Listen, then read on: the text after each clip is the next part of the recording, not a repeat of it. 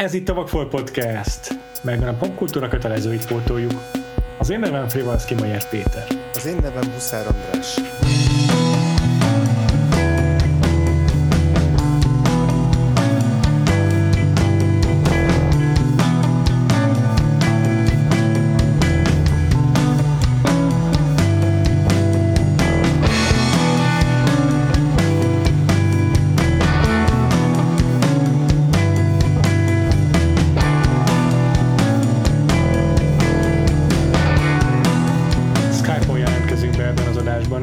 Egészségügyi okokból, nem azt mondom, hogy pánikolunk a koronavírus miatt, de azért nálam van egy kisbaba, András megmondta, hogy nem érzi jól magát, nem biztos, hogy érdemes kimozdulnia, szóval most egy darabig így veszik fel az adásokat, és mindenkinek azt kívánjuk, hogy kerüljék el a betegségek ebben a téli, vagy hát most már tavaszi időszakban. Uh-huh.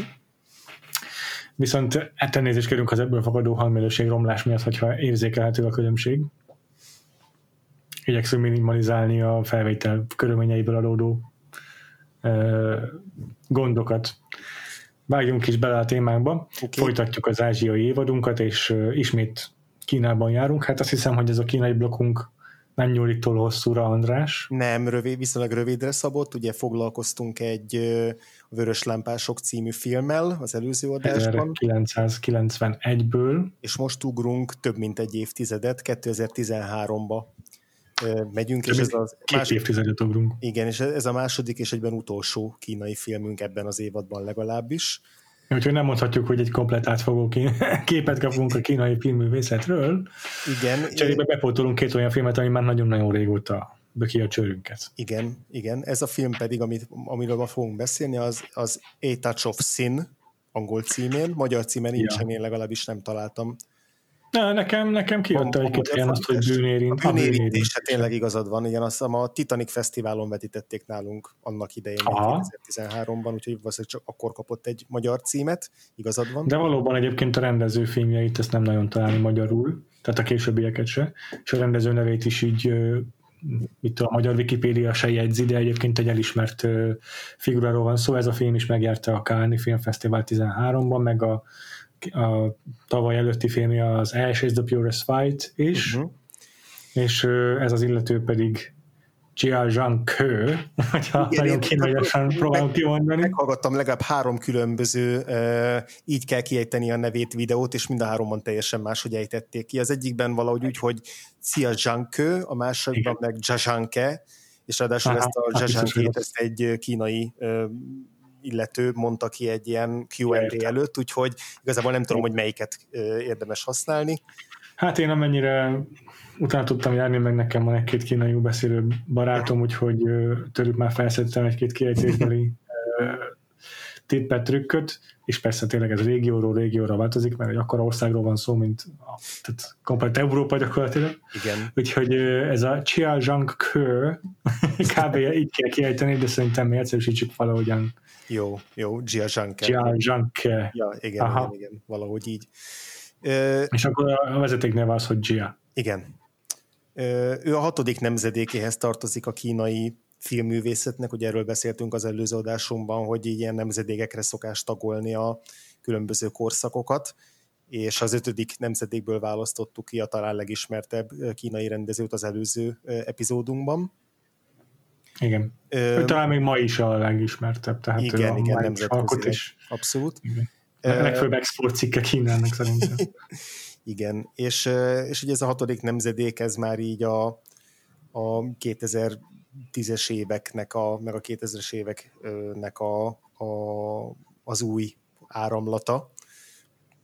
Ö, 2013-ban járunk ennél a filmnél, de Zhangke-nek már gyakorlatilag 10 filmje volt eddig, tehát nem egy újonc rendezőről beszélünk. Ezek között Mégis a- újdonsan áttekinthető azért ez a film sok tekintetben az ő munkásságában. Igen, ez a, az a tíz korábbi film nagy rész, nagy, fikciós nagyjátékfilmek, de voltak köztük dokumentumfilmek is, és ezek ilyen kifejezetten realista megközelítésű szociodrámák voltak többnyire, amennyire én Igen, még a, még, a fiktív, még a fiktív filmjei is, tehát a, a, a narratív drámái is, lassabb ütemű naturalista alkotások voltak, amelyek ilyen melankolikus, vagy inkább nem is melankolikus, inkább ilyen meditatív témák, hogy Igen. stílusúak voltak, legalábbis így az elmondások alapján, mert megnézni nem tudtam egyiket sem. És a, És ez a filmjétől egy ilyen merész szakítás azért. Hát részben, tehát igazából az ugye a bűnérintésének megelő, bűnérintését megelőzte a híre, hogy ez egy már egy ilyen zsánerfilmesebb megközelítés lesz. És Itt aztán a fejtállítása szerint is így direkt a, ez a hongkongi akciófilmekhez nyúlt, tehát a Wuxia-hoz, amivel mi már foglalkoztunk korábban, amikor néztük az Ip Man filmeket, meg Jackie Chan filmeket, akkor abban az időszakban sokat foglalkoztunk ezzel a Wuxia-val. Igen, és hogy, és hogy konkrét ilyen vusia toposzokból ismerített egy részt, tehát ilyen történeti toposzokból, másrészt pedig annak a, a filmes megvalósításaiból, ilyen harcművészeti megvalósításaiból, de ennek ellenére azért nem egy harcművész filmről beszélünk, csak egy olyan filmről, Ja. amiben jóval ö, nagyobb az erőszaknak a jelenléte, mint mondjuk a, a, a korábbi filmjében, vagy akár a későbbiekben. Tehát én a, a, Te láttad ezt az Ash is the Purest Láttam Fight-ot? az Ash is the Purest Fight-ot is, illetve a Mountains May Depart-ot, ami meg az egy előző filmje, ezt mind a kettőt megnéztem így az elmúlt években, és azok inkább szerintem közelebb állnak ahhoz a fajta ilyen meditatív társadalmi drámához, mint a korábbi filmjei. Ugyan a, az Ash is the Purest Fight az egy gangster történet valamilyen mértékben, tehát egy, Igen. egy maffia, vagy egy ilyen gangster főnöknek a barátnője a, a, a főszereplő, és őt követi több éven keresztül, meg évtizeden keresztül, de, de nem a tehát azért nem a, nem, a, nem a gangster szálon van a hangsúly, hanem sokkal inkább egy, egyrészt egy karakterdráma, másrészt pedig másrészt pedig így a, a társadalmi és a politikai hátteret bázolja föl. Tehát hogy szerintem a, ami a, egy ilyen általános vezérfonal a Jia Zhangkének a, az életművében, az általam megnézett filmek alapján az az, hogy őt, őt az foglalkoztatja, hogy a, a globalizál, globalizáció és a kínai progresszió, kínai gazdasági fejlődés, társadalmi fejlődés, annak így a, az árnyoldalát próbálja meg, meg, megfesteni. Pontosabban azt, hogy a, az átlagember, akit adott esetben a rendszer így maga mögött hagy, az hogyan éli meg ezt a fajta ilyen írtózatos tempójú gazdasági fejlődést, ami mondjuk az elmúlt, nem tudom, húsz évben Kína keresztül megy. Tehát szerintem ez, a- ez, a, ez a fajta ilyen modernizáció és a kisember viszonya, ez az, ami a, az általános vezérfonal nála, és aztán ehhez ad hozzá különböző egyéni jellemvonásokat filmről filmre. És akkor ebben a filmben, eh, amely tulajdonképpen szerintem is egy szociodráma igazából, eh, a bűnérintése is. Ebben a filmben ez a, ez a társadalmi érzékenység ezzel a harcművész eh, filmes stílussal vegyül érdekes módon. Ja. Jó, van beszéljünk akkor magáról egy kicsit erről a filmről, mi a története, meg uh, mi a kontextusa. Ö, igazából ez A- négy, négy, négy, négy, négy rö- kis film így egymás után fűzve gyakorlatilag, ilyen nagyon-nagyon érintőlegesen kapcsolódnak egymáshoz, tehát vannak ilyen, ilyen kis apró átkötések benne, de gyakorlatilag négy ilyen mini történet fűződik egymás után, és mind a négy történetnek valós alapja van. Tehát gyakorlatilag a, a Jia Zhangke ö, 2000-es évek beli és 2010-es évek elejé ilyen nagy szalagcímeket ültetett át, vagy adaptált ö, filmé. Tehát van, van négy, négy különböző történet, négy valós eset, ami, ami rá nagyon nagy hatással volt. Mind a négy valamilyen szempontból erőszakos eseményt jelent, ami különböző gazdaságilag, vagy anyagilag, vagy társadalmilag szorult helyzetbe került emberek a főszereplői ezeknek a valós eseteknek, és akkor uh-huh. ezekből fűzött össze egy, egy, gyakorlatilag egy ilyen négy részes, vagy négy etüdből álló filmet, hogy ugyan azonos témának ilyen különböző változatait mutatja be. Igen. Ahogy az egyik kritika fogalmazott, hogy a film megjelenésekor megjelent, a társadalmi egyenlőtlenség és a kihasználásnak az érzete, amely áthatja a korábbi két filmjét, a Still Life-ot és a 24 City-t, ezeknek az angol címét tudom csak, Mhm. uh, az most itt berobban a dű, teljes düvel igen, a tehát, a, tehát azok a fajta frusztrációk és, ahogy mondod, igazságtalanságok, illetve elnyomottság, elszigeteltség, elidegenedés, ami a, mondjuk a korábbi filmjeibe hát nem tudom, békésebb formában jelent meg, hogy, hogy az itt az erőszak formájában nyilvánul meg. Tehát, hogy mindegyik szereplő, mindegyik főszereplője ennek a négy történetnek az erőszakban találja meg a választ arra, hogy hogyan tud lázadni, vagy a rendszer ellen, vagy a saját nyomora, vagy kiszolgáltatottsága ellen. És aztán, hogy ez az erőszak, ez mások vagy önmaguk ellen irányul-e, az, az, az pedig történetről történetre változik. Uh-huh. Jó. Mi ez a négy történet? Akkor foglaljuk össze gyorsan. Az elsőben ez a történetet bizonyos Hu Wenhai-nak a története alapján született meg, amelynek a főszereplője a valóságban egy önjelölt igazságtevő volt, aki 14 ember tölt meg a, azért, hogy leszámoljon igazságtalan és korrupt hivatalnokokkal, és a filmben nagyjából ugyanez játszódik le egy Dahai nevű uh-huh. fickóval, aki egy bányavárosban dolgozik, egy faluban pontosabban, és azt tapasztalja, hogy a falunak a, az előkelősége, nem tudom, hivat, hivatalnoka az kifosztja a falut igazából, mert megígérte, hogy az eladott bányának a, az árát azt majd visszaosztja a lakosoknak, de ebből ők semmit nem látnak, csak azt látják, hogy a, ez a szóban forgó hivatalnok gazdag, drága autókkal jár, meg repülővel közlekedik. És akkor a döhét azt fegyverhasználatban töltik és lemészárolja a hivatalnokhoz kapcsolódó egyén, egy részét. Aztán a második történetben egy, ez egy Zhou Huaka nevű fiúról, fiúnak a történetét dolgozza fel, aki uh-huh. rablóként szétlőtte az áldozatainak, szét, szétlőtte az áldozatait, fejbelőtte őket. És itt ez a karakter mm, Zhou San néven jelenik meg, uh-huh. és uh, tényleg igazából egész egyszerűen az unalmas kilátástalan életében nem talál más megoldás, mint hogy lövöldözni kezdjen és rabol, kirabolja a neki vele, nem tudom, ő, őt sértegető, bántalmazó banda tagjait. Jól emlékszem? Ö, valamennyire. Azt hiszem, hogy volt egy ilyen bullying a témá a dologban. Ö, de érintőlegesen szerintem itt a második történetben pont az a, az a hangsúlyos, hogy neki igazából teljesen mindegy, hogy kitől meg. Tehát, hogy a, az ő Aha. történetének a végén Aha. két teljesen random embert, akik épp kilépnek, kilépnek a bankból, lövi agyon. Ja, hát akkor, itt, igen, akkor pont ez az, hogy ott uh, igazad van. Ott még, még értelmetlenebb a, a, az erőszak, és még indokolatlanabb, mint, a, mint az első történetben. Igen. A harmadikban egy a való életben egy, felsz, egy sauna klubnak a felszolgálója ölt meg önvédelemből egy ottani vendéget, és ebben a feldolgozásban ezt a karakter Zhao Tao játsza, aki a Zsia Janke felesége, és, és gyakori a... visszatérő színésze. Igen, tehát az emlegetett Mountains Made Depart és az Ash is the Purest Fight-nak is ő a főszereplője. Igen, és itt egy megcsalásos történetnek a középpontjában áll ez a nő. Kiderül, hogy a, hogy a szerelm, vagy a bocsánat, a, a, a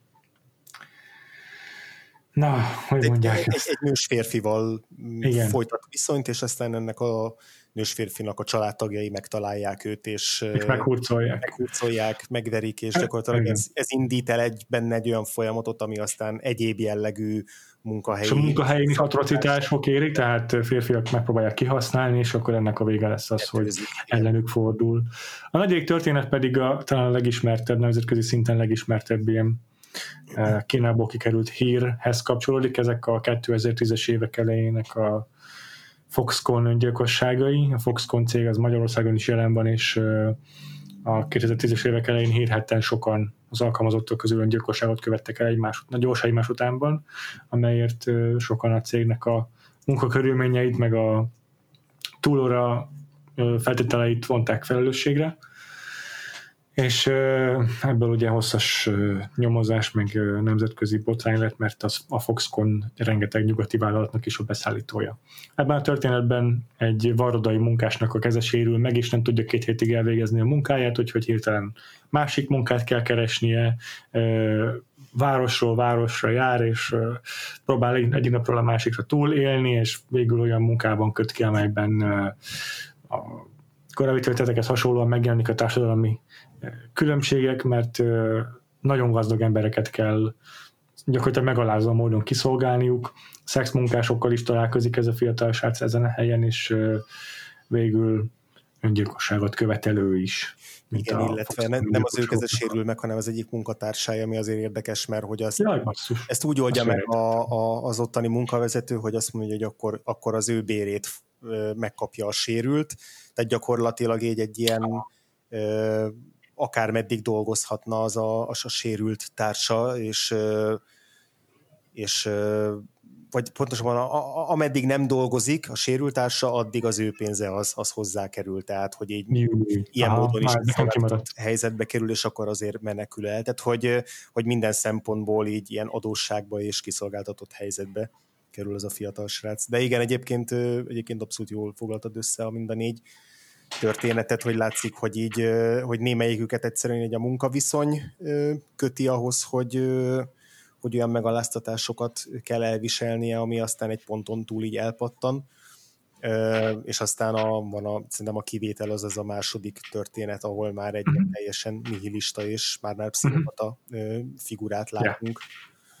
És még egy érdekesség, hogy, a, vagyis az apróság, hogy itt a negyedik szegmensben a, a rendező is kameózik az egyik gazdag embert, a Chia Shanke hm. játsza. Ö, te egyébként tudtad, hogy ez így négy külön történet, vagy hogyha nem, akkor... Igen, ezt például pont elolvastam egy félmondatos szinopszisban, mielőtt elkezdtem nézni a filmet, úgyhogy tudtam. Aha, mert te nem? Én abszolút nem tudtam, úgyhogy így érdekes volt így nézni, hogy hogy így az első fél órában, amikor egyszer csak így betetőződik a, a Dahai-nak a története, az első főhősnek a története, tehát az látszik, hogy így ez itt véget fog érni. Pontosabban akkor azon gondolkoztam, hogy most akkor a, a film hátra lévő része az ennek a gyilkosság sorozatnak a következményeit fogja majd így boncolgatni?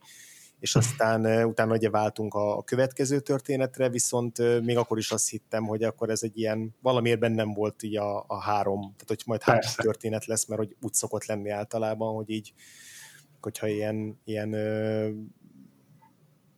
etüdökre van felbontva egy film, hogy akkor van három párhuzamos történet, illetve a Mountains Main Depart is három ö, különböző időszakban játszódik, csak ott a szereplők ugyanazok, csak így nagyokat ugrunk az időben. Úgyhogy, úgyhogy még egy plusz meglepetés volt így a végén, amikor egy negyedik történet is elindult, szóval érdekes volt így ilyen szemmel figyelni a, a filmet. Igen. Szerencsére, nem tudom, nekem végül is szerintem jól tett, hogy tudtam, hogy különálló szegmensekből fog állni a történet, mert így valószínűsítem, hogy egyébként azt kerestem volna, hogy mikor milyen összefüggések vannak a szereplők között is vártam volna, hogy valahogyan visszakanyarodjunk az elejére. Mm. És így uh, mit, mit gondolsz, uh, hogy így mennyire uh, mennyire, mennyire er, erősítik egy, egyrészt mennyire erősítik Aha. egymást ezek a történetek, mennyire van szükség arra, hogy mind a négyet lássuk, vagy inkább arról, arról vagy úgy, úgy értékeled így utólag, hogy ez a történet tök jó volt, ez kevésbé, tehát hogy így mennyire adott Aha. ki egy nagyobb egészet. Ja, ez nagyon-nagyon jó kérdés, és abszolút nem is gondolkodtam rajta igazából. Valahogyan a fejemben nagyon elkülönült ez a négy cselekmény, és valahogy nem gondolkodtam el azon, hogy pedig tényleg ezek egy cím alatt egy filmként futnak. De ha végig kell gondolnom, akkor mivel elég egyértelmű vezérvonaluk ez a összeomlás 1-2-3-4, ezért tényleg koherens egészet alkot a film, amelynek ugyan nem, amelynek szerintem nem tesz jót az, hogy, hogy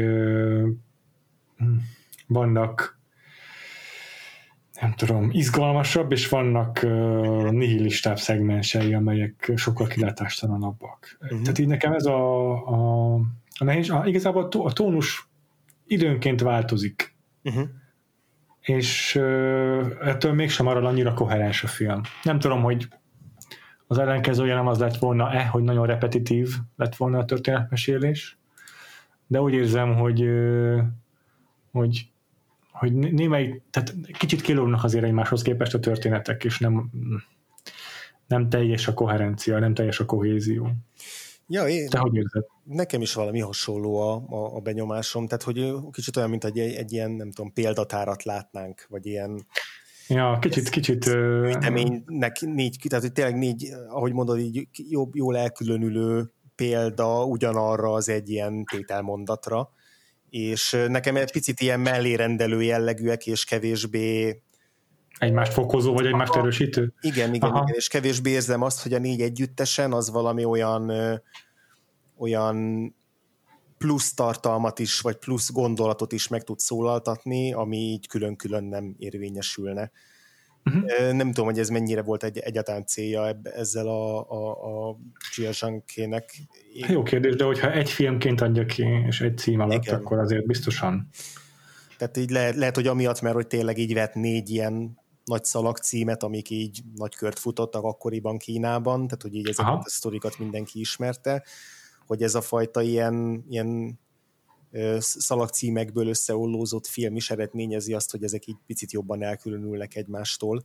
Még, igen, még igen, hogyha nekünk ez nem is ilyen hatású, mert én ugye nem ismertem ezeket a, a valós történeteket, te mondjuk a mhm. Foxconról uh-huh. már akkor hallottál korábban, de uh-huh. hogy valószínűleg nem ugyanaz a hatása van ránk, mint a mondjuk a kínai nézőkre volt 2013-ban, de, de ezzel együtt még mindig azt érzem, hogy egy picit ilyen tényleg ilyen mellérendelőek ezek a, ezek a történetek, és nem feltétlenül azt igénylem, hogy ilyen eh, inárító módon így nagyon összefűzze mindegyiket, hogy, hogy, hogy tényleg így a végén, vagy, vagy mondjuk a, a, a három szín trilógia, amit megnéztünk, és akkor a végén így minden szál összeér egy nagy fináléba, tehát ez nem, nem hiányzott nekem, de, de azért egy picit azt a repetitív jelleget azt éreztem benne, hogy így még történet nek kicsit ugyanaz a dramaturgiája, hogy ugyanúgy már látjuk az elején, hogy megjelenik egy fegyver, akkor na, akkor ez most már tudjuk, hogy valahogy vissza fog térni később, és, és, és hogy mindegyiknél egy picit hasonló ja. volt azért az, hogy, hogy, hogy tehát a,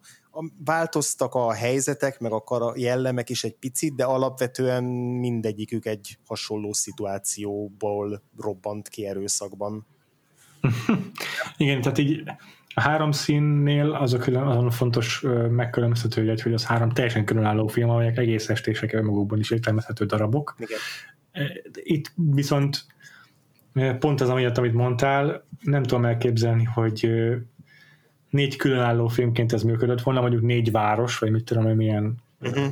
ilyen ciklusként, viszont de pont amiatt, mert hogy azért maguk a történetek ennél hosszabban nem lettek volna kibonthatóak szerintem, vagy nem biztos, hogy megérte volna.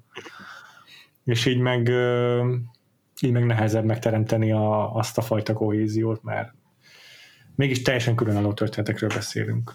Tehát így nagyon, így is, így, ami érdekes, ami, ami szinte érdekes, hogy a Chia Zhanke kicsit úgy próbál ja, szorosabbra vonni a, szorosabbra vonni a szálakat a filmek között, hogy ilyen szürreális elemekkel uh-huh. behoz némi, némi ilyen valóságtól elemelkedett vonalat, és akkor ez kicsit erősíti szerintem ezt, a, ezt, a, ezt az összefonódást, de, de ezek tényleg csak aprócska momentumok, amelyek mm, ettől függetlenül még mindig előteljesen szét vannak választva ezek a, ezek a, ezek a szegmensek ettől függetlenül is hm. szerintem. De beszéljünk kicsit ezekről is akkor. Jó. Tehát amellett, hogy mindegyik film valóban egy ilyen társadalmi nézeteltérésről, vagy társadalmi különbségekről bőfakadó konfliktusra épül, van egy-két olyan, olyan szimbólum benne, amely vissza-visszatér. A, azt hiszem az első szegment, már nem csak kiírtam. A második szegmensben, meg a negyedikben is hangsúlyos szerepet kap buddhista uh-huh. szertartás, vagy templom, tehát itt szerintem van egy, egy ilyen vallási kontextus is, vagy egy olyan, nem is a vallás az, tehát nem a, nem a vallásnak a hagyományos értelembe vett szerepét domorítja itt ki a, a Chia, hanem, hanem, hanem a tradicionális, hagyományos uh-huh. Kína, meg ezek a szertartások és az ezzel járó rituálék, uh-huh. és a modern industriális Kínának a, a szembenállását helyezi itt előtérbe. Uh-huh. Aztán szintén visszatérő momentum, vagy motivum a egykori kommunizmusnak egy-egy szimbóluma, főleg az első szegmensben van egy jó nagy Mao szobor, tehát az a klasszikusabb értelme vett kommunizmus, meg klasszikus értelme vett ilyen autoritár rendszer. Igen, és akkor a negyedik történetben, ami meg a legfiatalabb generációról szólott, pedig ez egy ilyen showműsorként jelenik meg, Igen. mert a pártfunkcionáriusokat, meg a nem tudom, vállalkozókat szórakoztatják ebben a, ebben a gyakorlatilag ilyen szexmunkásokat alkalmazó ilyen úriember klubban. Így van, így van. És ezen kívül meg, amit még uh, szintén észrevettem ilyen összefüggést, az pedig az állatoknak a szerepeltetése. Uh, na, amely szerintem direktben, tehát amely szerintem a legegyértelműbben teszi ilyen szürreálissá, kicsit, vagy ilyen mondom, valóságtól elemelkedetté ezeket a, a szegmenseket. Úgyhogy uh, ezt tekintem úgy, hogy, hogy ezzel próbál valamiféle narratív ritmust, meg ilyen, ilyen rímeket teremteni a történetében a, zsánke, a Chia Zsánke. Igen, az a... első szegmensben a, az állat, ami megjelenik, az egy ló, akit ver a gazdája, és akkor rajta is bosszút áll a, Dahai. És azt hiszem talán azt is mondja ott, hogy, hogy, hogy állat, de a, a gazdájára, tehát arra, aki folyamatosan ütlegeli a lovát, tehát hogy így... Hogy és ezt nem is, aha, és nem, ezt, ezt nem, nem vettem észre, de nem ez az egyetlen, hogy párhuzamot von Igen. az állatok meg az emberek között. És, és lehet, hogy nem pont ott, de valamikor azt mondom, hogy elhangzik az egyik ilyen erőszakoskodó erre, hogy, hogy, hogy, hogy, hogy állat. Illetve ott, amikor elindul a, a önbíráskodni a, a Dahai, a főszereplő a, a történetnek, akkor egy ilyen tigrises, nem tudom, Igen. függönybe vagy zászlóba csomagolja be a puskáját, és, és ott is ugye mondogatják neki az a téren lődörgő emberek, hogy nem mész vadászni állatokra, tehát hogy van egy ilyen, Igen. egy ilyen párhuzam, meg megfeleltetés. Igen, és akkor a második szegmens is ezt hangsúlyozza, vagy vonja alá még egyszer, mert ott, amit én észrevettem állatokat, azok a marhák egy teherautón, uh-huh. akik mögött motorozik a srác. Uh-huh. És uh, az pont a szegmens legvége. És utána egy ilyen jump cut vágunk a következő szegmens legelejére, ahol meg emberek ülnek a vonaton, így félig alvó pózban, jó szorosan egymás mellé ültetve, ahogyan a marhák is abban a teherautóban egymás mellé hmm. vannak állítva. Ez jó. És a, utána a következő szegmensben ott ö, kígyók jelennek meg. Igen, ez a leg... Ö, legegyértelműbben. ugye a bűn és a kígyónak a inkább ilyen Igen. keresztény párhuzama. Ja, mert el is hangzik, hogy tehát ott még ráadásul ez a babonna vonal is bejön, ami megint szerintem így a tradicionális Kínához egy ilyen párhuzam lehet, hogy van egy utcai ilyen, hát nem tudom, árusnak nevezzem-e, mm. aki azt hirdeti, hogy jövendőmondó kígyói vannak. Igen. Megmondják, hogy hogy balsors vagy jó szerencse vár rád. És aztán a kígyók még később is felbukolnak, amikor a nőt meghurcolják, meghurcolja a szeretőjének a felesége, akkor utána ő bemenekül egy limuzinba, ahol a kígyók mászkálnak a padlón, Hát ennek Meg a utána... mondónak a, a, a furgonjába megy be akkor. Ja, ja, ja, bocsánat, igen. De utána van egy olyan jelenetsor, amikor így, vagy hát több olyan jelenetsor is van, amikor így, így megy végig a, nem tudom, a hegyvidéken az úton, Aha. és akkor egy ilyen CGI kígyó így elsiklik előtte egyszer, meg, igen. meg egy másik alkalommal talán egy majmot is lát, meg ilyen marhák is elvonulnak, tehát hogy ő, ő nála tényleg már, már ilyen mágikus realista az, ahogy így az állatok így feltűnnek. Az mágikus realista, ez egy nagyon jó, igen. És akkor az ő egyik jelenetében a munkahelyén is elhangzik egy ilyen párbeszéd is, hogy ja, valami dokumentumfilmet néz éppen ott a recepciósként a szaunában, és akkor ott meg azt mondja a dokumentumfilmben a narrátor, hogy az némelyik állat is elkövet öngyilkosságot, ez nem csak az embereknek a privilégiuma, és akkor a kollégának mondja is ugyanezt, aki meg azt reagálja rá, hogy pedig jobb nyomorban élni, mint boldogan meghalni, és akkor erre azt mondja a csaj, hogy az állatok ezzel vitatkoznának. Nagyjából ilyesmi a igen, interakció. Igen, és ez meg akkor előrevetíti a negyedik történetnek a Igen. Igen. Most abban nem emlékszem igazából, milyen állatok voltak, pedig biztos ott is felbukkant az öngyilkosságos szegmensben, a negyedikben. Hmm. A, azt, azt én sem tudom, ott csak arra emlékszem, hogy az egyetlen ilyen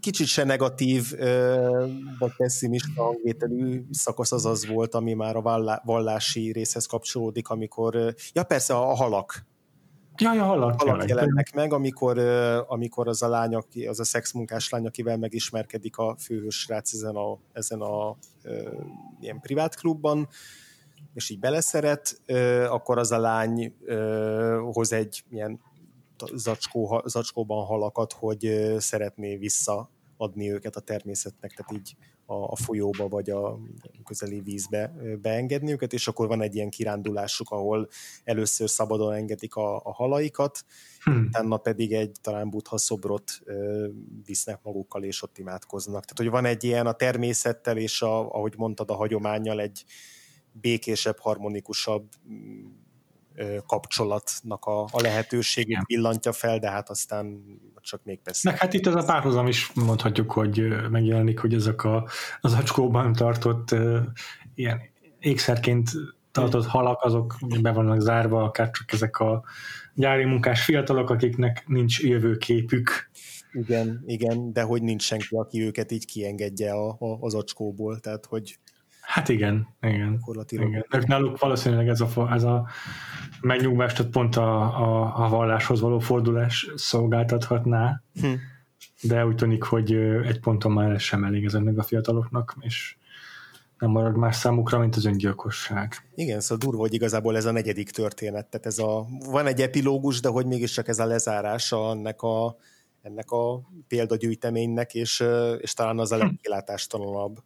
Tehát még a, a hmm. többiben még esetleg találhatunk egy minimális katarzist mondjuk az erőszakban, még hogyha nincs is ezeknek igazán pozitív kihatásuk, de abban a pillanatban a, a, a bosszújuk kapcsán még talán érezhetünk valamiféle, nem tudom, perverz elégedettséget egy-egy pillanatra, vagy a szereplők legalább érezhetnek, de a, a, a negyedik történet az már tényleg a teljes kilátástalanság, ahol, ahol a, a saját életének a, a kioltása az egyetlen megoldás. Tehát ott már ott, ott, ott Igen. És, és hogy ez tényleg a legfiatalabb generáció, aki elvileg a jövőt jelképezné meg a modernitást, és hogy ők szorulnak abba a legkiszolgáltatottabb, kizsákmányoltabb helyzetbe, ahol már a mások elleni erőszakba se tudnak, hogy mondjam, kirobbanni, vagy kifejezni a ja. őket és a fájdalmukat, hanem, hanem, hanem, hanem csak véget vetnek a földi nyomoruknak, szóval az...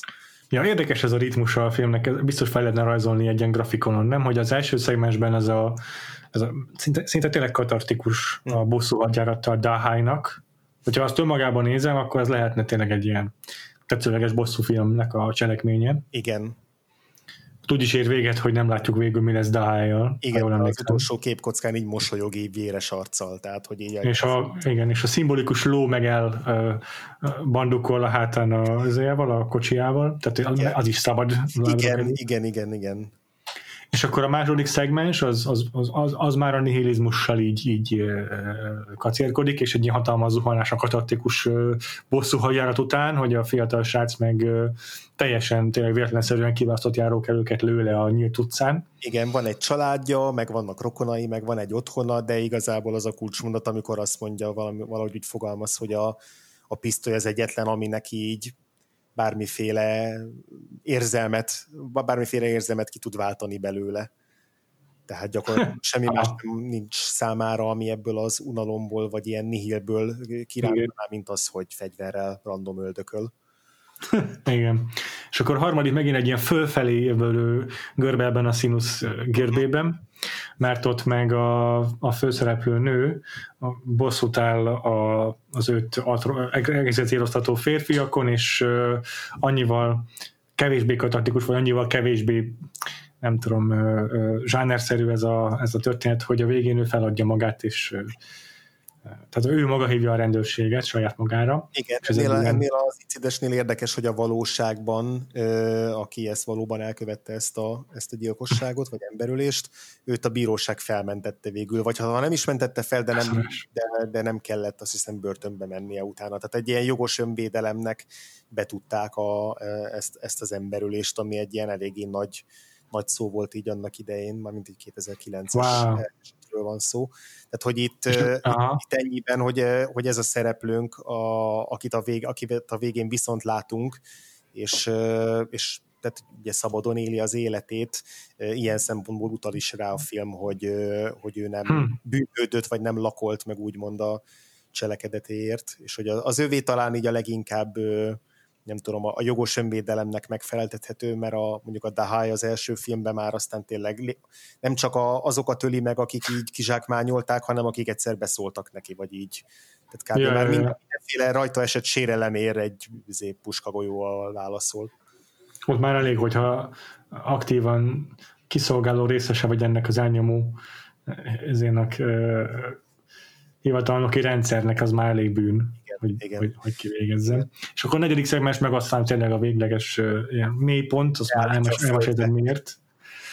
Tehát így nagyon érdekes az tényleg ez a, ez a fellehullámzása szerintem ennek a, ennek a négy szegmensnek. És akkor még egy dolog, a visszatérő ö, motivumokkal kapcsolatosan, hogy a, hogy a film befejezése, ami az előbb felvezetted, az visszahozza a női főszereplőt a harmadik szegmensből, és egy opera, egy utcai előadást tekint meg egy opera, kínai opera jelentet, ha jól értelmeztem azt a Igen, igen, igen. Jelenetet. igen. Megint csak és, erre a mosia műfajára utal, utal uh-huh. át. És már a legelején az első szegmensben is uh, Dahai is szintén látott egy opera jelentet, szintén az utcán volt egy előadás, és az a fontos különbség, hogy a Dahai esetében, most nem emlékszem, hogy pontosan mi az előadásnak a szövege, de ott nekem a, a, én azt úgy értelmeztem, hogy amit ő ott hall, az buzdítja őt arra végül, hogy elkezdje a bosszú hadjáratát. Tehát az a bűnbeesésnek a csábítása. És a, a végén a, a nő meg pont arról hall, hall egy monológot, ami a, benne a bűntudatot kelti fel. Mm. Tehát ez is egy ilyen jó kis Keret. keretbe zárja a történetet. Igen, igen, igen, igen. Szerintem érdemes meg arról beszélni, hogy az erőszakhoz hogyan viszonyul a film, hogyan, ábrázolja, mit gondol róla.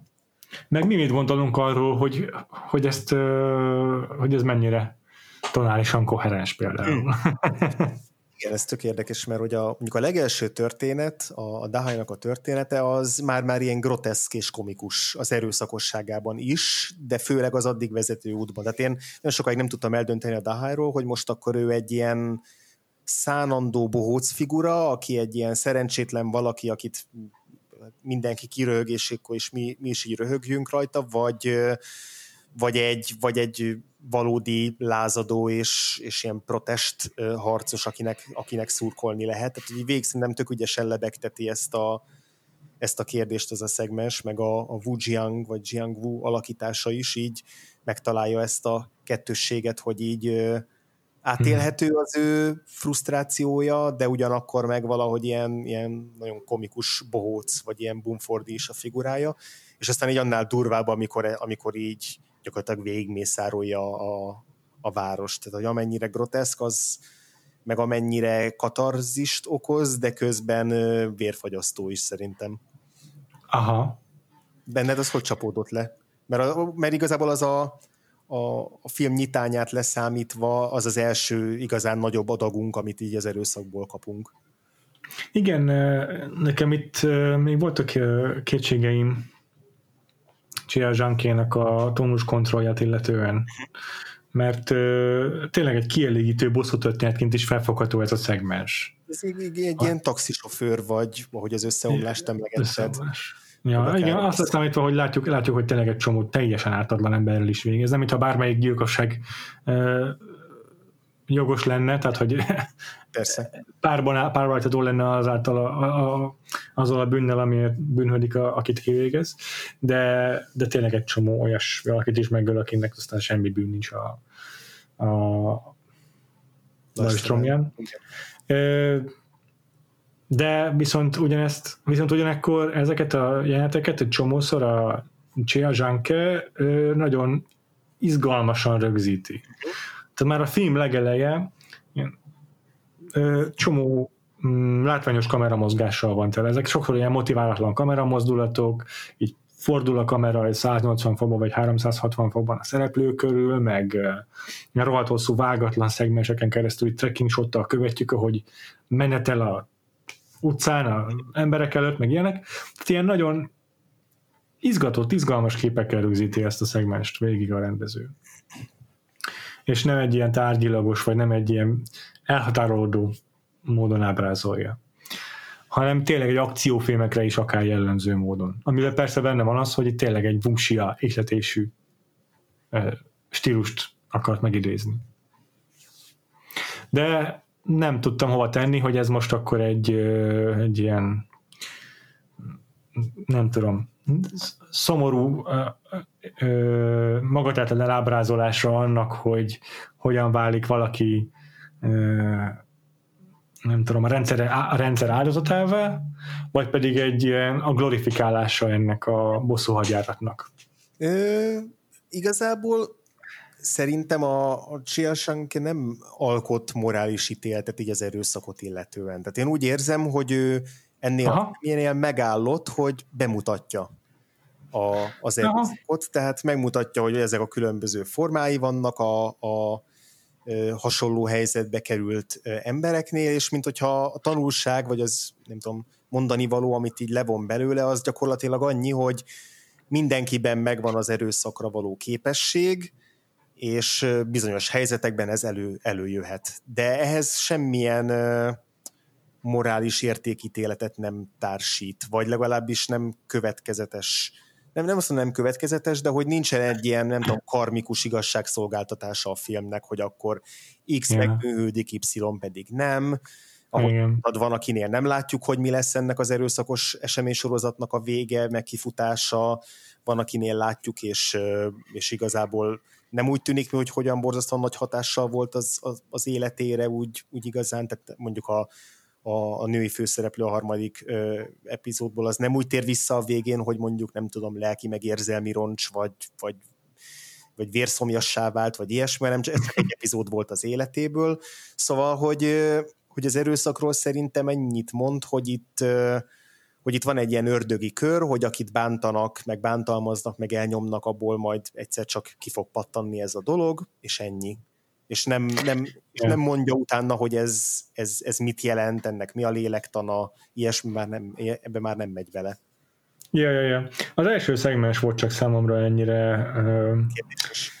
kérdéses, vagy meghatározhatatlan, és a, több, a második az rögtön pont amiatt, hogy az egy viszonylag nihilista darab, az így rögtön helyre tette bennem, hogy itt szó sincs ilyesmiről, hogy glorifikálná, vagy egyszerűen nem érezni az, hogy tonálisan uh, mi helyes, hogyan kéne ábrázolni a bűnt, vagy mennyire jó az, hogyha ilyen akciófilmes módszerekkel ábrázolja a bűnt. Mert onnantól kezdve már azért jóval egyértelműbb az, hogy itt, hogy itt pont a, a, a kilátástalanságon van a hangsúly, meg azért azon, hogy az mennyire értelmetlen. Függetlenül attól, ki követi el, ki ellen a bűnt. Nekem um, a a harmadik epizódban volt a, tonálisan a legfurcsább az erőszaknak a kirobbanása. Ott, igen, ott volt egy olyan momentum, ami, ami nagyon szürreális tette azt a szegment. Amikor, a, amikor a, a, egyrészt, ahogy felvezetik azt a jelenet sort, az egy darabig így nagyon jól építkezik arra, hogy, hogy csak próbálni, hogy egy recepciósról van szó ebben a, ebben a sauna per masszás per szex szalomban, és, és ott az egyik ilyen segfej, talán üzletember, azt hiszem látjuk. Hát valami minden egy kuncsa. De egy ilyen, igen, egy ilyen vállalati Ja igen, emlékszem, az, aki így a, a, a város szélén megállítja a munkásokat, és így megsarcolja őket, hogy, hogy csak akkor léphetnek be a munkahelyükre, hogyha fizetnek. Tehát, hogy van egy ilyen, azt hiszem ugyanaz a csábó tűnik fel utána a, hmm. a, ebben a szalomban is. De lényeg az, hogy, hogy, hogy először így megáll az ajtóban, és így gyakorlatilag így követelni kezdi, hogy akkor, akkor őt így szolgálják ki szexuálisan, és akkor van egy ilyen több, fel, több ilyen többszöri próbálkozása, hogy mindig rávágja az ajtót a, a főhősnő, yeah. és szerintem ez nekem addig működött, amíg, amíg ott be nem ment, és egy kötek pénzzel el nem kezdte verni, és ott egy ilyen, nem tudom, abszurd módon hosszantartó, ilyen ugyanazt az egy mondatot ismételgető jelenet volt, ahol így mindig így hozzávágta a pénzt, akkor a nő visszafordult, visszanézett rá, és akkor így ez ment egy ilyen, nem tudom, percekig, legalábbis én nem éreztem, mint a percekig zajlana, és utána jött az, hogy előveszi a nő a kést, és, és így megtámadja a, a fickót, és, a, és ez a, az az erőszak jelenet, ott olyan pózok voltak, meg olyan kameramozgások, ami már abszolút tényleg egy ilyen vusjának az ilyen nagyon menő, nagyon látványos akciófilmes púzai voltak, és nekem ott lógott ki eléggé az, hogy, hogy ez, ez valahogy nem passzol oda. Milyen igaz? Egyébként tényleg tök igazad van, mert most, hogy így emlékeztettél rá, nekem is ez ugrott be, hogy a... Jó, igen, maga az a, az a pénzköteggel való arcul csapkolás, ez, ez tényleg abszurd, és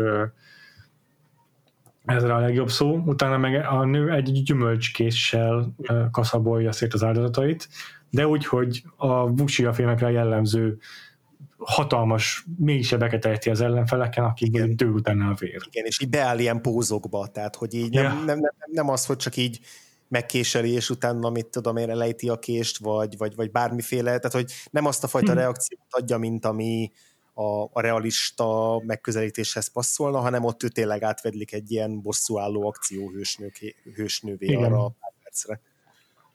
Igen, és ilyenkor nehéz dőlere jutnom a, a film fölött, hogy, hogy jó ötlete a rendező részéről, hogy házasítja a dokudrámát, vagy ezt a szociodrámát a Busiával, mert hogy nem az lenne a célja, hogy, hogy izgalmas se tegye ezeket az akciójeleneteket, szerintem. Igen, meg hogy igazából olyan kevés ez a fűszer a filmben alapvetően, hogyha több mint két óra, tíz perc, vagy nem tudom, azt hiszem ilyen kb.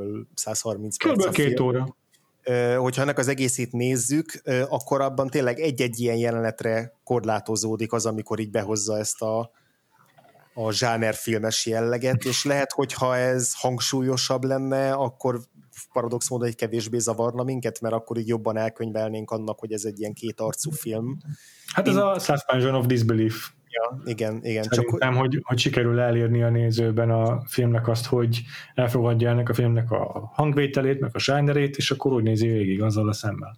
Ja, igen, csak érted, hogyha, hogyha hogyha zsánerfilmesebb lenne ennél, és mert azért szerintem alapvetően tényleg így ragaszkodik a, a, ennek a munkásosztálynak a, a valós nyomor életéhez, ehhez, e, e, e, ez, ez, ez hangsúlyosabb a filmben végig, és akkor talán ezért zavaróbb egyszer-egyszer a, ez a fajta erőszakosság, de azért szerintem azért többnyire, tehát többségében meg tudja találni azt, ezt az arányt a film. Igen, egyébként nekem sincs vele óriási bajom. Valahogy mégis összeáll, és kerek egészé válik a film. Ami, ami szerintem annak köszönhető, hogy most ezektől a erőszakos kirobbanásoktól eltekintve tényleg nagy részt ilyen kontemplatív, hm. karakterközpontú személyes, intim darab ez a, az egész film. Igen. Beszéljünk is akkor most kicsit ez, ezekről a szegmenséről szerintem. Hm.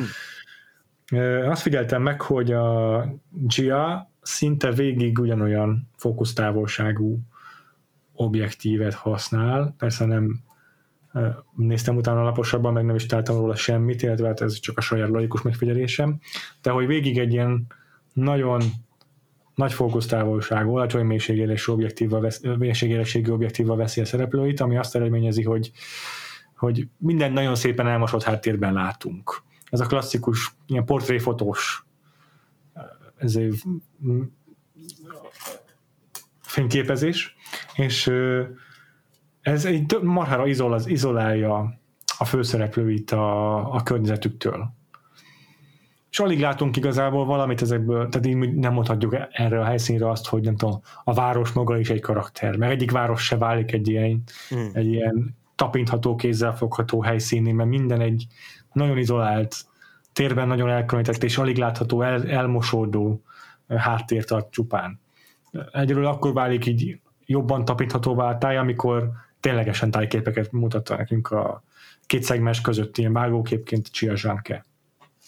Ez és ezek, ezek a képek viszont azt segítik elő, hogy így a karakterrel maradj, és őket kövesd, és az ő arcukat olvasd, és végig ben, bennük legyünk mi is, velük legyünk. Nekem ez volt, ez volt az érzésem, és ettől válik valahogy mégis egy ilyen befogadhatóvá, meg még, mégis tonálisan mégis valahogyan ko- koherensé a darab. Aha, ez tök érdekes, mert bennem pont az ellenkezője csapódott le kapcsán, tehát hogy, hogy én pont azt éreztem, hogy, hogy rendszeresen olyan kör, környezetekben helyezi el a szereplőit, ahol nagyon is látványos az, hogy mi az, ami körbeveszi őket. Legyen szó akár egy olyan épülettömbökről, mint ahol mondjuk a negyedik filmnek a fiatal főhőse él, ami egy ilyen teljesen elidegenítő és dehumanizáló az igaz. lakótömböknek az együttese, akár az ilyen gyárépületek, vagy mondjuk a, ez a neonfényes szalon, ahol dolgozik némelyik szereplő, vagy mondjuk a pályaudvar, tehát hogy akár a, városi modernitásnak a képei, akár így a tájban lévő industriális vagy ipari ilyen modernitás jelenik meg. Én mindig azt éreztem, hogy, hogy a film nagyon érzékelteti azt, hogy ezek a szereplők benne vannak egy olyan földrajzi és épített ö, környezetben, ami így folyamatosan egy opresszálja őket, és ami semmilyen szabadságot, vagy individualizmust, vagy, vagy nem tudom, érzelmet nem közvetít, nem tükröz. Tehát ugye nagyon gigantikus léptékű minden totál, meg minden táj, ahova belerakja a szereplőket, és hogy ilyen tehát így a, hmm. a, a környezetnek a teljes érzéketlensége a szereplők nyomorával szemben. Én, én, én valahogy pont ezt éreztem. Hmm, érdekes. Lehet, hogy van, van azért valami ö, nem tudom, kompromisszum a kettőnknek az észrevételé között, mert amit mondasz, az tényleg igaz. És, a, és tényleg elhelyezi a szereplőit ezekben a, az épület együttesekben, meg ezekben a, ezekben a nyomasztó környezetekben, de az is biztos, hogy nagyon sok az ilyen portrészerűen felvett közeli az arcokról, meg meg sok a, a, az izolált kép, ahol a szereplőnk tényleg elválik a, a háttértől, meg a, meg a környezetétől. Uh-huh. És szerintem végül is a kettő között az az összhang, hogy, hogy individuum, individu, individuumként tekint ezekre a szereplőkre, uh-huh. akik a, még ezekben a nyomasztó környezetekben is önálló emberek, és, és nem szabad elfeledkeznünk arról, hogy ők teljes értékű személyek és nem csak a, a, ennek a mondjuk egy, egy gyárnak, vagy akármilyen környezetnek a kis dolgozó hangyái a Igen. tömegből. Nagyjából valahogy így tudom értelmezni. Ezt, ezt abszolút, abszolút aláírom. Egyébként... Tehát mondjuk összehasonlítva, teszem azt az 1984-jel, Roger Dickens soha nem használ ezért uh, ilyen uh, teleobjektíveket, mint a, a Janke, a Chia Janke, és nála itt tényleg az van, hogy bármelyik helyszínen is jár a, a, a Winston, ott az biztos, hogy mindig tudatában vagy az összes falnak, mi az összes teremnek a, a az egy, a nyomasztó industriális világnak a, a falainak és a, a rád nehezelő súlyának, mert ott mhm. mindig majdnem minden minden fókuszban van. Uh-huh, uh-huh. Meg hogy ugye a, a, az ő széles látószögű lencséi még többet is felvesznek a környezetből, mert nagyobb a befogó, de nagyobb képet fognak be. Ja, ja. Ez tök jó. Egyébként nem tudom, hogy hogyha jobban ismerném mondjuk a, a kínai földrajzot, meg a, ezeknek a helyszínenek az elhelyezkedését, meg egyáltalán jellemzőit, az biztos, hogy egy plusz réteget adna még a filmnek, mert hogy, ja. mert hogy az nekem azért alapvetően nem volt meg, hogy a, a négy helyszín a filmben az, az egymáshoz pontosan hogyan viszonyul. Persze ez ilyen alapvető dolgokat, hogy melyik a vidék, melyik a nagyobb város, melyik a, a, a gyárak köré kitelepült ilyen... Ezt azért átadja a film is elég, elég korrektül. Ilyen alapszinten lehet követni, de, de, de a, azok az ilyen egyéni tájegységeknek a, a kis jellemzői és ellentétei és konfliktusai mondjuk akár ilyen izé, akcentusokban, vagy nyelvjárás, nyelvjárásokban, vagy ruházkodásban, ezek, ezek, az, ezek abszolút elmentek így a fejem fölött, tehát hogy biztos, hogy ez, hm. ez még egy plusz réteget is tudna adni, hogyha mondjuk így nem tudom, Dunaújvárosba játszódna, meg, meg Pécsen, tehát olyan, olyan helyeken, amihez tudok valamiféle sajátosságokat kötni mert, mert, mert egyébként, egyébként tök fontos a, a bűnérintésénél az, hogy így melyik ö, epizód hol játszódik, és hogy hogyan vándorolnak a szereplők egyik helyről a másikra, ö, Igen. és próbálnak Igen. érvényesülni, és ki az, aki hazatér, ki az, aki elvándorol munkareményében, tehát hogy ez a, ez a folyamatos mozgás és migráció a kínai szárazföldön belül lesz szerintem egy nagyon jelentős topikja a filmnek. Ez nagyon-nagyon igaz, és én is sajnálom, hogy ebből nagyon-nagyon keveset fogunk fel. Amit az elején elmondtál, az biztos, hogy igaz, hogy itt több olyan helyszínünk is van, amely így a egyik pillanatról a másikra vált industriális megaközponttá a semmiből, és, és ez egy ilyen óriási változás az embereknek az életében, meg a, a életvitelében, és ez is egy ilyen elidegenítő hatással van az, a, a, a világukra. Ez biztos, hogy több helyszínen is megjelenik, de hát ennél többet én sem tudtam kikövetkeztetni a adott helyszínekből. Kisajnos ez nekem is kimaradt ez a réteg. Ez érdekes, jó, hogy mondod. Igen, és szerintem egyébként ez is egy visszatérő téma a, a Junkie-nél, vagy GN-nál, tehát a, nem csak annyi, hogy a modernizáció, mint olyan az hogyan működik Kínában, hanem ez így a Kína földrajzára, meg, a, meg az ott élők életkörnyezetére milyen hatással van. Ez a Still Life című filmje, amit emlegettünk az adás elején, az például a három szurdok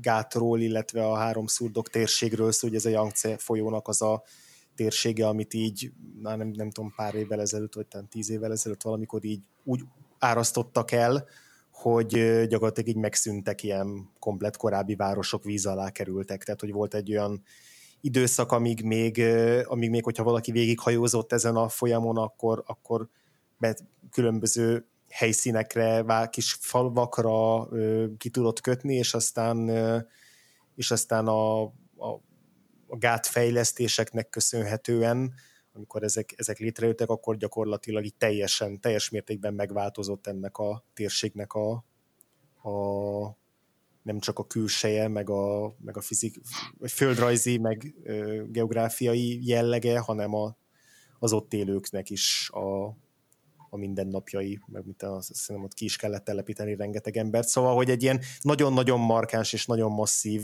van látható ö, változásról szól a Still Life című filmje, hmm.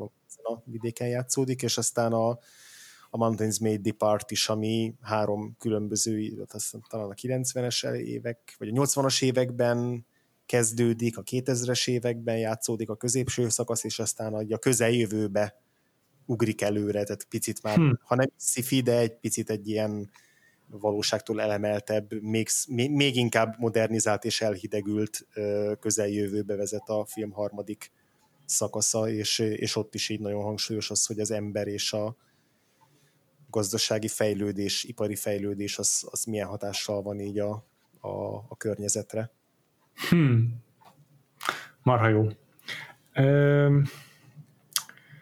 Igen, egyébként az Kínával kapcsolatban azért ugye az is érdekes, hogy hogy mondjuk a Blade Runnerben, érted, azt hiszem Shanghai-ba vettek fel olyan, olyan játékot, amik, elvileg Amerikában játszolnak, mert az már most is kellően futurisztikusan néz ki. Uh-huh.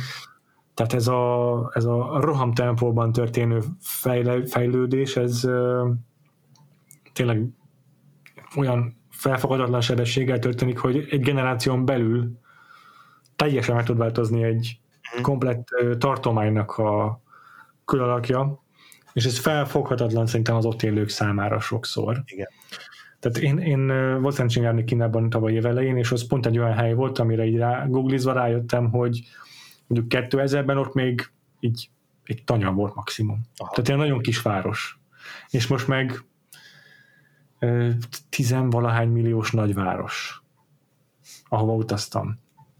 És olyan te- technológiai negyede van gyakorlatilag, ami lényegében így annyi, volt, annyi idő volt oda elutazni, mint eljutni Budapest, nem tudom, két, 11. kerületéből a 24. kerületbe, vagy ilyesmi. Tehát ilyen rengeteget kell utazni hozzá. És, és egyébként nagyon, tehát az a, a, azt hiszem, hogy egyébként ez a, ez a film, ez furcsa módon pont nem Kínában forgott. Nem tudom, erről olvastál-e, de úgy rémlik, hogy Ausztráliában forgatták valamilyen okból. Melyik, melyik filmet? A... a... Ezt a filmet, a bűnörintését. Igen? Mert hogy ilyen független uh, forrásból lett támogatva anyagilag. De ennek egyébként maguk a kínai tájak, azok, uh, azok így tényleg nagyon emlékeztetnek arra, amit én is láttam, hogy a, a városnak a látképe az így annyira smogba burkolózik, hogy az első néhány épületen túl már nem látni semmit. Mm és azok az épületek is így ontják magukból a füstöt a gyárkéményeken keresztül.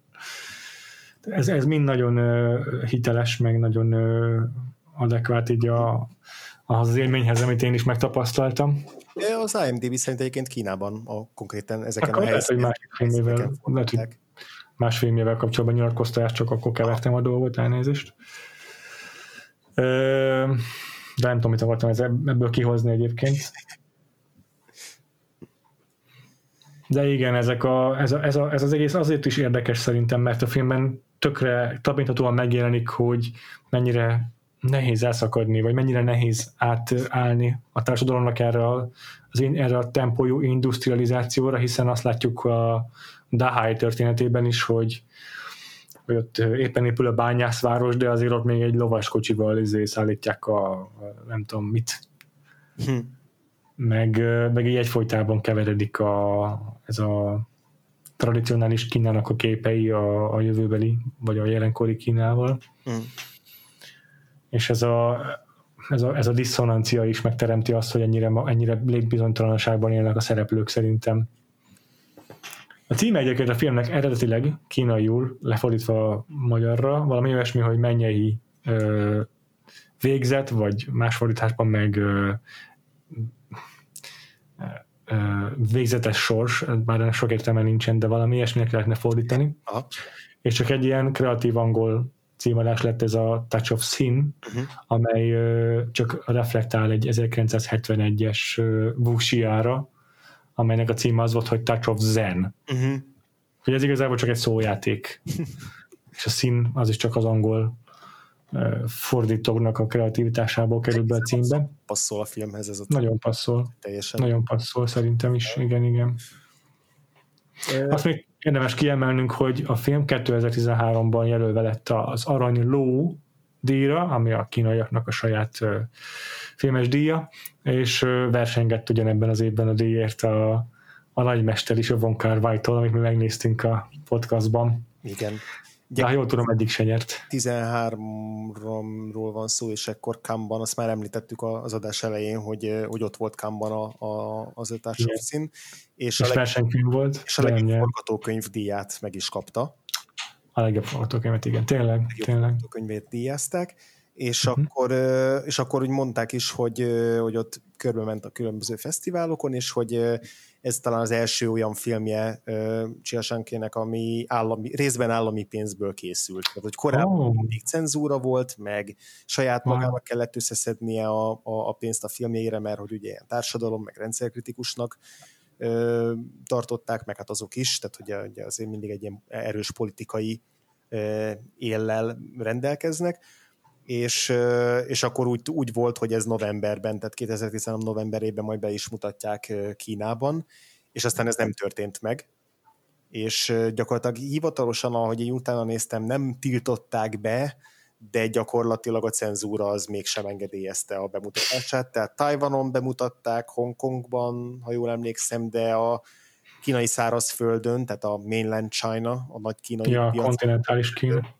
ott végül nem mutatták be, tehát mégis a, az, az állam az, az, az, az azért kifogásolta aztán utólag a filmben látottakat, úgyhogy Aha. Úgyhogy ugye ez egy érdekes útja ennek a filmnek, hogy egy darabig azt lehetett hinni, hogy itt valami oknál fogva, talán azért ki tudta cselezni a cenzúrát, azt hiszem egy interjúban írta, hogy, hogy azért tudott erre állami pénzt kapni, mert hogy ez a négy valós történet, ez már a, kínai közösségi médián, meg híradásokban olyan nagy nyilvánosságot, minden nyilvánosságot kapott, hogy így gyakorlatilag ilyen úgymond veszélytelen volt. Tehát, hogy nem, nem valami, nem tudom, államtitkot ö, filmesített meg, meg nem olyan kínai eseményeket, amiket így Kína titkolni próbált, hanem hogy, ö, hogy ezek már annyira annyira közismert esetek voltak, hogy akkor azt mondta az állam, hogy jó, csináld nyugodtan, mert ezt már, ezt már úgyis mindenki ismeri de hogy úgy tűnik, hogy a végeredménynél mégis meggondolták magukat.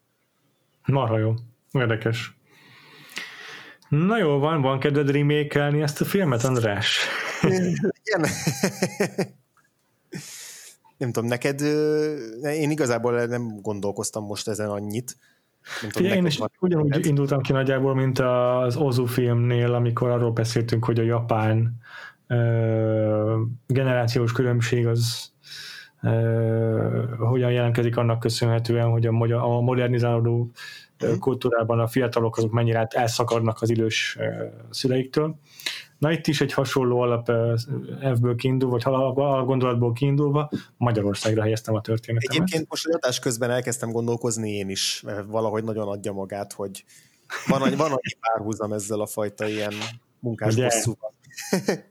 Szerintem is, és egyébként meg biztos vagyok benne, hogy itt is lehetne így fellapozni az elmúlt fél év híreit, és találni négy olyan Igen. sztorit, ami feldolgozásra érdemes, és nem lenne exploitatív megcsinálni.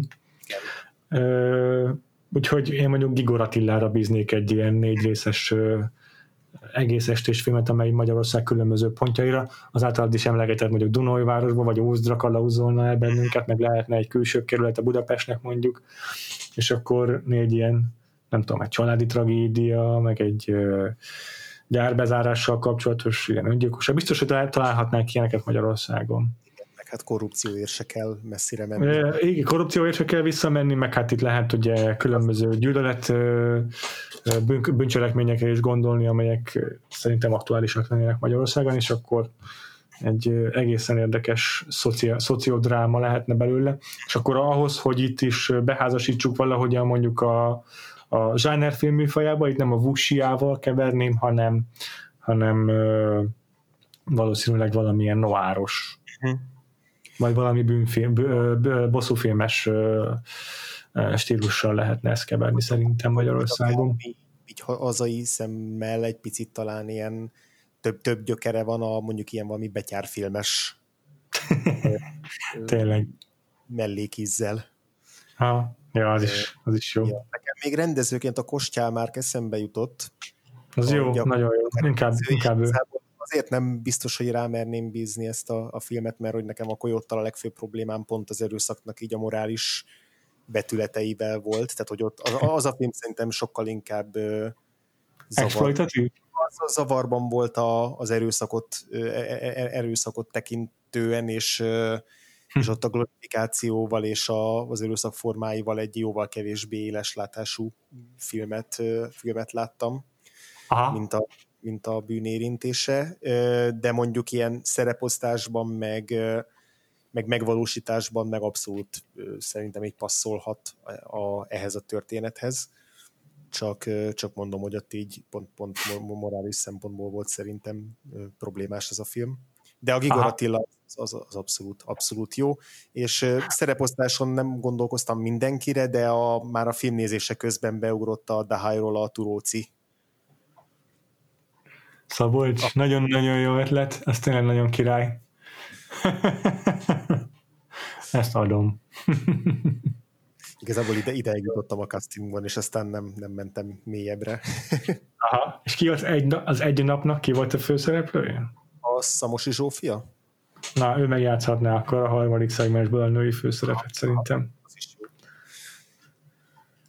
Na jó, van, akkor a remékeléssel is meg vagyunk, és akkor most uh, igazából nézőpont kérdése, hogy maradunk-e Kínában vagy sem, ugyanis, uh, tehát mégis lehet, lehet, hogy ez a leghosszabb blokkunk, hogyha úgy nézed. A következő pár epizódra, jó sok epizódra Hongkongba látogatunk, utána meg uh, Tajvanba is teszünk kirándulásra, ha jól emlékszem, ugye András? Abszolút. Igen. Úgyhogy lesz itt dolgunk a, a 90-es évekbeli hongkongi akciófilm korszakkal, aztán lesz dolgunk a, a, a, a romantikus, meg drámai Hongkonggal is Von Kar Wai formájában. És uh, Tajvanból pedig uh, az egyik legismertebb nemzetközi rendezővel is megismerkedünk, Ang Lee, egy korábbi, ez még a, szülőhazájában készült filmével. Lesz itt elég sok érdekesség, ezeket egyébként a Letterboxdon már most is puskázhatjátok. Letterboxd.com-on, ha rákerestek a mi felhasználóinkra, akkor megtaláltok azt is, hogy mi lesz a, az a hátralévő epizódjaink tematikája. Ezen kívül hol érnek még el bennünket a hallgatók, András? Vagyunk az internet minden egyes szegletén, meg van saját oldalunk, Vagfolt Podcast. Csak a Weibo nem vagyunk fenn. Igen, az lesz a következő. De a Twitteren fönn vagyunk, mind a ketten, meg a, meg a podcast maga is külön. Igen, a twitter.com per Vagfolt Podcastot lehet követni, és lehet DM-et írni nekünk, hogyha kíváncsiak vagytok, vagy akartok esetleg tőlük kérdezni valamit, vagy, vagy hozzászólásotok van az adásainkhoz, valamint az én Twitter fiókom a twitter.com per Frivo, kettő E-vel. András, a tiéd? egy aláhúzással a végén, alsóvonással. Ezen és... kívül Facebookon is van facebook.com per Vakfolt podcast oldalunk, meg a vakfoltpodcast.hu is uh, látogatható, ott is minden korábbi epizódon megtalálható. Az adások pedig a, a legkülönbözőbb podcast szolgáltatók Így, igaz, lehet bennünket követni, és hallgatni szinte bárhol, ahol podcastot lehet hallgatni. És ugye idén már van Patreonunk is, Hetente. A patreon.com per Vaxfolt podcaston meg, igen, hetente két adással jelentkezünk, ahogy András mondja, úgyhogy érdemes ránéznetek erre is, hát ha találtak valami érdekességet, és egyébként is nagyon köszönjük, hogy támogattok bennünket, akár a legkisebb összeggel is, mert ez segít életben tartani a podcastunkat. Így van, akkor legközelebb jövő héten Hongkongba látogatunk, elkezdjük felfejteni Hongkong és Kína rendkívül komplikált viszonyát a hongkongi filmeken belül, illetve hmm. akciófilmeket is fogunk most már klasszikus értelemben az akciófilmeket látni. Uh-huh. Még azért nem mondunk most konkrét címet, mert még picit függőben van, hogy pontosan melyik filmmel fogunk kezdeni, de ezt is ki fogjuk hirdetni időben. Figyeljétek a platformjainkat, ti sziasztok! Sziasztok!